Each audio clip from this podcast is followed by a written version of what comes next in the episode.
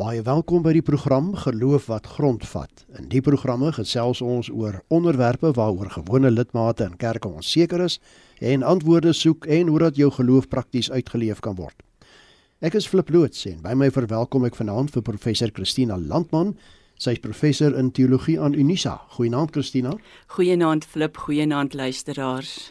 En dan telefonies verwelkom ek ook vir Dominic Claudette Williams van die Verenigde Gereformeerde Kerk Bontejuwel en sy is ook direkteur van die Christelike Afhanklikheidsbediening. Goeienaand Claudette. Goeienaand Flip, goeienaand luisteraars. Claudette, ek het nou gesê jy is direkteur van die Christelike Afhanklikheidsbediening en ons gesels vanaand oor hoe kan ek iemand help wat middelafhanklik is? Jy's direk daarbey betrokke. Wat is die Christelike afhanklikheidsbediening? Flip, die Christelike afhanklikheidsbediening of soos ons dit maar noem, die CAB, is 'n organisasie wat ontstaan het in die destydse NG Kerk, wat vandag die VG Kerk is. Daar was 'n behoefte vir 'n nasorggroep wat diegene sou help wat van rehabilitasiesentrums afkom. En op 2 April 1977, so dit is so 44 jaar gelede, was die CAB in die lewe geroep as 'n nasorggroep en as 'n terapeutiese groep. So ons ondersteun ook die familielede van diegene wat afhanklik is. En die derde ding wat ons doen by die CAB, ons fokus ook op die voorkoming daarvan. Ons het 'n program genoem die Horizon Teams. Dit is veral vir ons jong mense. So daar lig ons hulle in oor die gevare van middelafhanklikheid maar ons leer hulle ook oor die verskillende skills wat hulle kan gebruik. Baie dankie Claudette, dit is Dominique Claudette Williams. Sy is direk betrokke as direkteur van die Christelike Afhanklikheidsbediening. Nou jy's welkom as luisteraar om vanaand aan ons gesprek deel te neem. Gebruik die SMS nommer 45889. Onthou net elke SMS kos R1.50. Vanweë die COVID beperkings, herhaal ek maar weer, kan ons ongelukkig nie direk op jou SMS reageer nie, maar dit kry deeglike aandag veral deur ons kundige wat saamgesels. Onthou dat hierdie program nie aan jou as luisteraar voorskrifte gee van presies hoe om te lewe nie, maar riglyne waarbinne jy self keuses kan maak. En daar is geen stem ook nie noodwendig saam met die opinie van enige persoon wat aan hierdie program deelneem nie. Dit is vir mense wat vriende of familie het wat verslaaf is aan middels soos alkohol, dwelms of pille moeilik nie net om die omstandighede te aanskou nie, maar ook vanweë dikwels 'n onkunde oor hoe om sulke persone te help en hoe om selfstaande te bly wanneer die probleem skynbaar nie opgelos word nie. Wat kan ek doen? Hoe kan ek so iemand help? Geloof wat grondvat gesels vanaand hieroor. Christina, waarom is sommige mense geneig om middels soos alkohol, dwelms en pille te misbruik en daarvan afhanklik te raak? As ons net kyk na die ongelooflike omvang van hierdie probleem, dan watter antwoord kan ons hierop gee?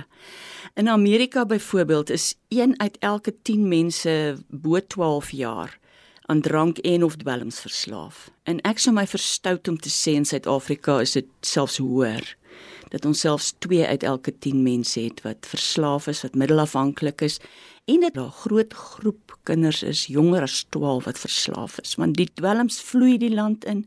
Dit spoel oor ons kinders. Waar kry hulle dit? Dis nie net 'n geneigtheid nie. Geneigtheid speel seker 'n rol maar hulle kry dit by partytjies hulle kry dit by vriende wat verkopers is hulle kry dit op die skoolgronde.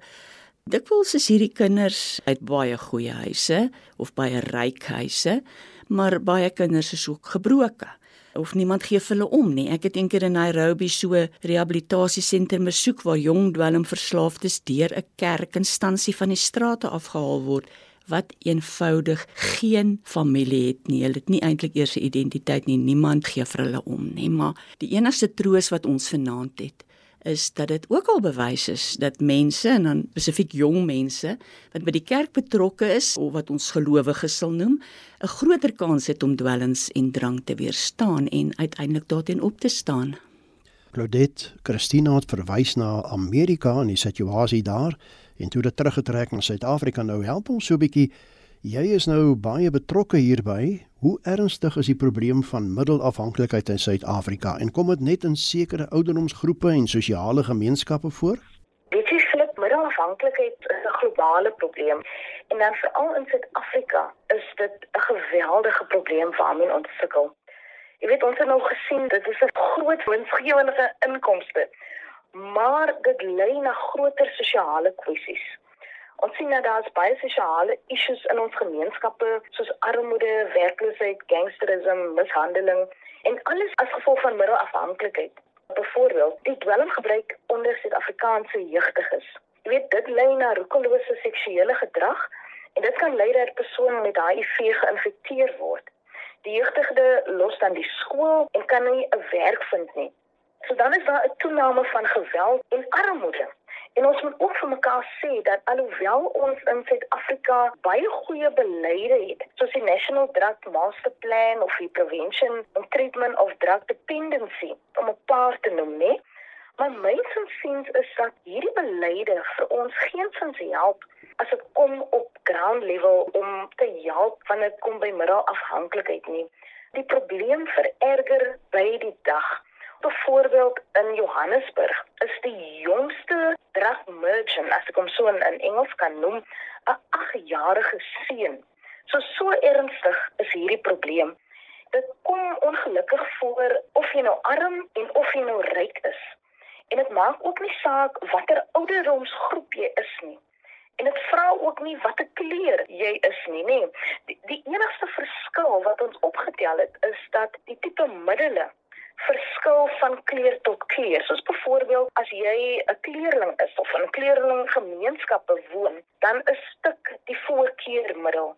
In wit gemeenskappe sien ons dat heroïne is nou weer die gunsteling drank daar. Middelafhanklikheid vra nie sosiale omstandighede nie, dit vra ook nie ouderdomsgroepe nie, dit vra ook nie kleur nie. Dit is 'n ernstige situasie as ek so luister, Christina. Waarom dink jy laat God dit toe dat mense, ook Christenmense, middelafhanklik raak of het hy niks daarmee te doen nie? Filip God het ons 'n vrye wil gegee en dit hang van ons opvoeding af dat ons kan kies tussen reg en verkeerd. Maar die tragedie is dat daar baie mense, veral jong mense is wat uiteindelik nie 'n vrye wil kan toepas wanneer dit by alkohol en dwelms kom nie. Daar is geweldige druk op hulle om deel te word van die portuïergroep. Hulle begin eksperimenteer, hulle neem deel om gewild te wees en dan kan hulle nie meer daar uitkom nie. Soos ek gesê het, die bietjie goeie nuus wat ons het is dat geloof en kerklike betrokkenheid 'n goeie rol kan speel. Ek wil weer na Amerika verwys. 73% van alle rehabilitasieprogramme of hulle nou deur kerke aangebied word of deur watter instansie ook al 73% van daai programme het 'n godsdienstige 'n geloofselement. Claudette help ons so 'n bietjie. Baie van ons is leuke oor hierdie situasie, selfs ouers van hierdie kinders of mense wat betrokke raak met middelafhanklikheid. Watter tekens is daar om na op te let of iemand middelafhanklik is of nie? Daar is 'n hele spektrum van tekens.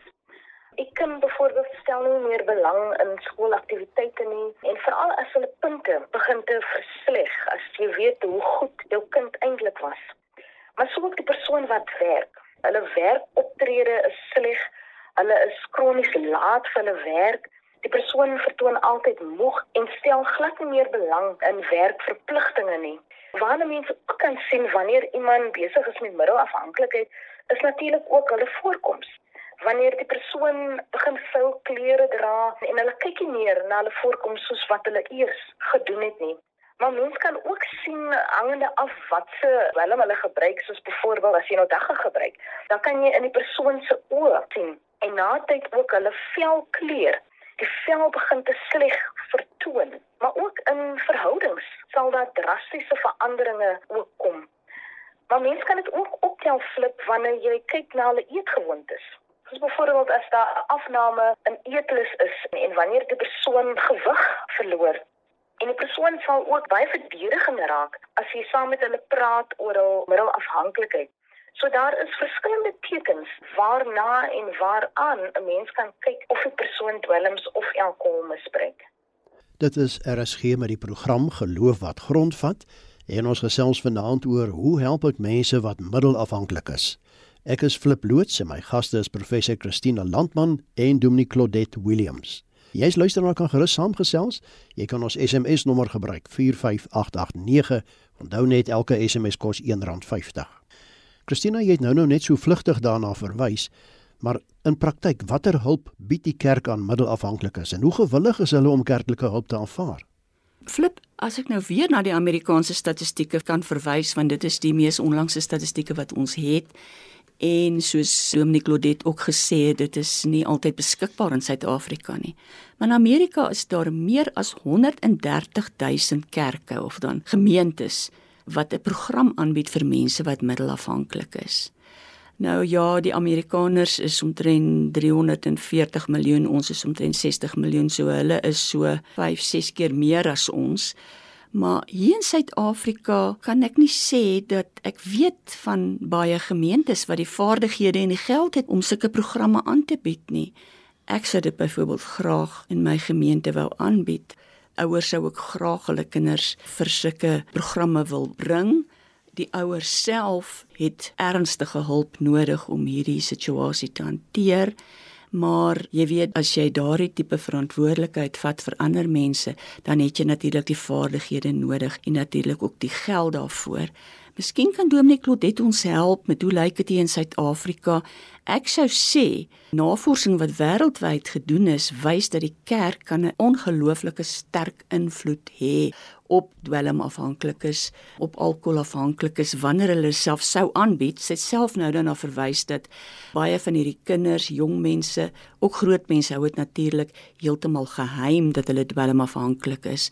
Maar ek weet nie in Suid-Afrika hoeveel gemeentes daar is wat sulke programme aanbied nie, wat 'n tragedie is.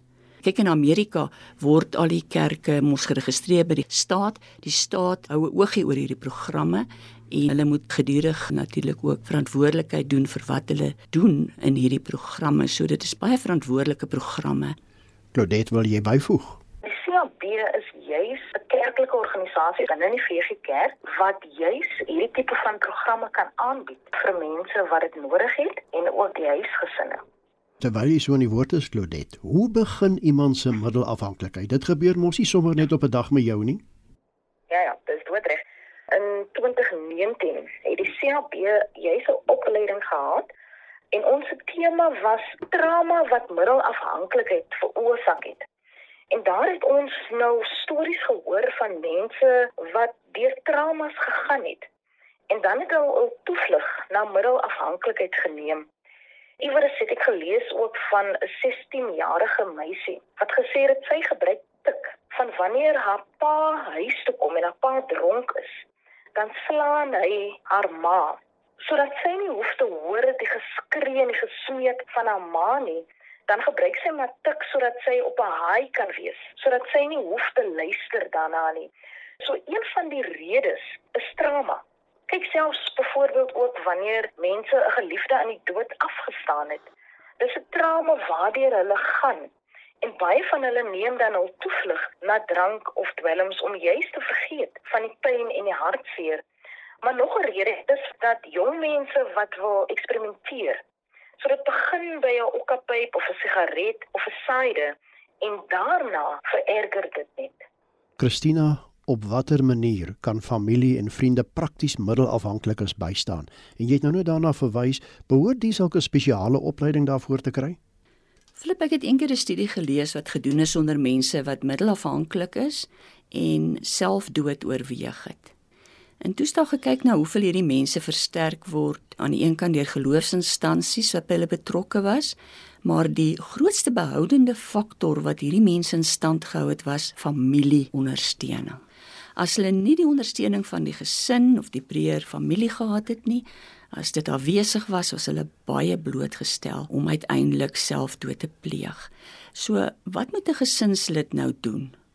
Want soos Dominique Claudet gesê het, gewoonlik is die gesin die mense wat die swaarste kry as iemand in die gesin middelafhanklik is. Hulle word gevloek, hulle word aangerand, hulle moet die skaamte hanteer wanneer die polisie daar opdaag en die omgewing se mense na hulle kyk. Nou hoop ek weer dat Dominique Claudet miskien hier kan help. Moet die gesinslede streng wees? Help dit? Moet hulle eerder liefdevol wees en die persoon lief hê kom wat wil, help dit. Ek het al gesien dat 'n ma haar dogter amper doodgeslaan het en dat die dogter dan opgehou het met dwelms. Dit mag jy natuurlik vandag nou nie meer doen nie.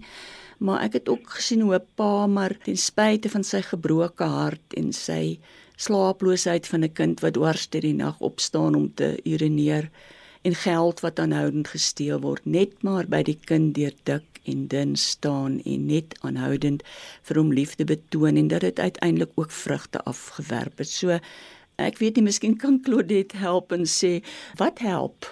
Wat help dat familie belangrik is, dit staan soos 'n paal bo water, maar wat help en het hulle opleiding nodig en is daar enige opleiding?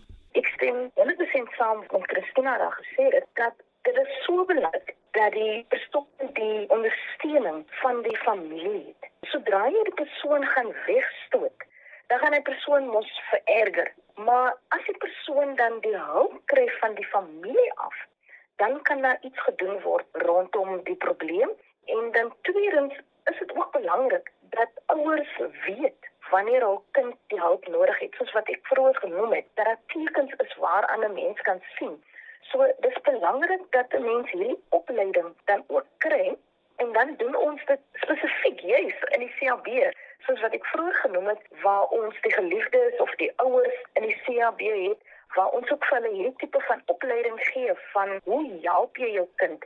Hoe ry jy uit? Jy weet en hoe verwys jy byvoorbeeld jou kind na 'n rehabilitasiesentrum toe? Maar die betrokkeheid van die familie en die gesin en vriende is baie belangrik.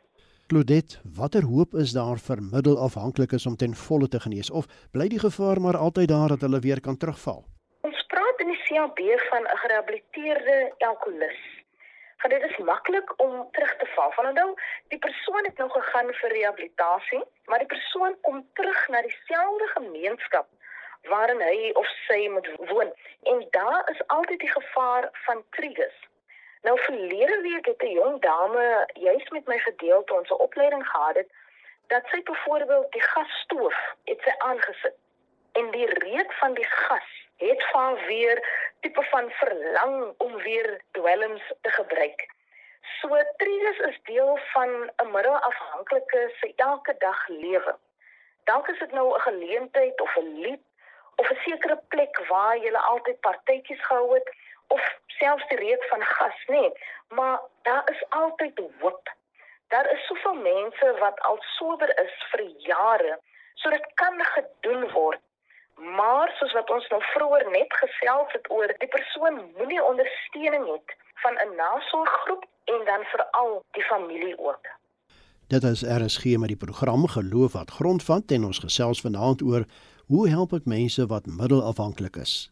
Ek is Flip Loots en my gaste is professor Christina Landman en Dominic Claudette Williams. En jy's luisteraar het nog geleentheid om saam te gesels, gebruik die SMS nommer 45889.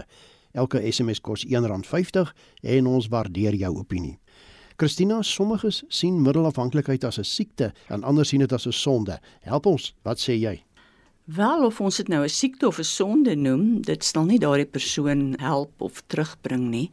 Ons moet eers so 'n persoon sien as iemand wat hulp nodig het, dadelik en dan ook lanktermyn. Dis eintlik 'n kwessie van lewe en dood, weet jy. Alkohol is die rede van meer as 'n derde van alle padongelukke, van alle fatale padongelukke. Alkohol is ook die derde grootste rede vir sterftes wêreldwyd. So dis eintlik 'n kwessie van lewe of dood, né?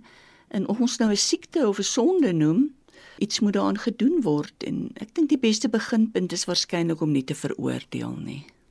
Claudette, baie mense is skaam oor hulle familie of vriende wat middelafhanklik raak en wil dan nie daaroor praat of hulp kry nie. Wat sê jy is die regte optrede? Dit is sodat mense skaam is, veral as jy 'n gesiene mens is en veral 'n kerkgaande persoon is, nê maar dit gaan nie u geliefde help as u dit wegsteek nie. 'n Mens kan nie middelafhanklikheid wegsteek nie. So meer jy probeer dit wegsteek, so meer steek dit sy kop uit. Ons het gelees in die CAB dat prevention is better than cure. So dit is belangrik wanneer u sien dat daar 'n probleem is, dat u so gou as moontlik optree. Die probleem is soms ook dat die persoon sê dat hulle nie 'n probleem het nie en dit is gewoonlik die probleem maar dit moet u nog steeds nie verhoed om hulp te kry om daardie persoon te help nie. Kollegas, ons tydjie stap baie vinnig aan. Kom ons begin saamvat. Christina, het Bybelse geloof in die Here 'n rol te speel by mense wat middelafhanklik is gedagtig aan die pad van herstel? Flip navorsing nie net in Amerika nie, maar wêreldwyd het gewys dat 'n geloofsbasis inderdaad mense kan beskerm teen en kan red van middelafhanklikheid en dat kerklike betrokkenheid van beide kante af mense regtig kan help om te herstel of hulle kan beskerm daarteenoor om in hierdie diep donker gat in te val. Ongelukkig word die wêreld al hoe minder gelowig en daarmee saam word geloof se rol in rehabilitasie natuurlik nou ook kleiner. En ek het inderdaad al gelees dat daar lande is wat sê die feit dat geloof in hulle land taan eintlik maak dat middelafhanklikheid nou 'n nasionale gesondheidskrisis geword het. Want daai buffer wat die kerk gebied het en daai herstel wat die kerk gebied het daardie invloed word al hoe minder en minder en dan word die gesondheidskrisis vir middelafhanklikheid vir die staat al hoe groter. Claudette die laaste woord is joune vanaand watter boodskap het jy aan moontlike middelafhanklikes wat vanaand na hierdie program luister Ja, diegene wat vanaand sukkel met 'n afhanklike. Ek weet dit is nie maklik nie. Daar's vanaand ouers met geselle kinders, familielede wat bekommerd is oor hulle geliefde.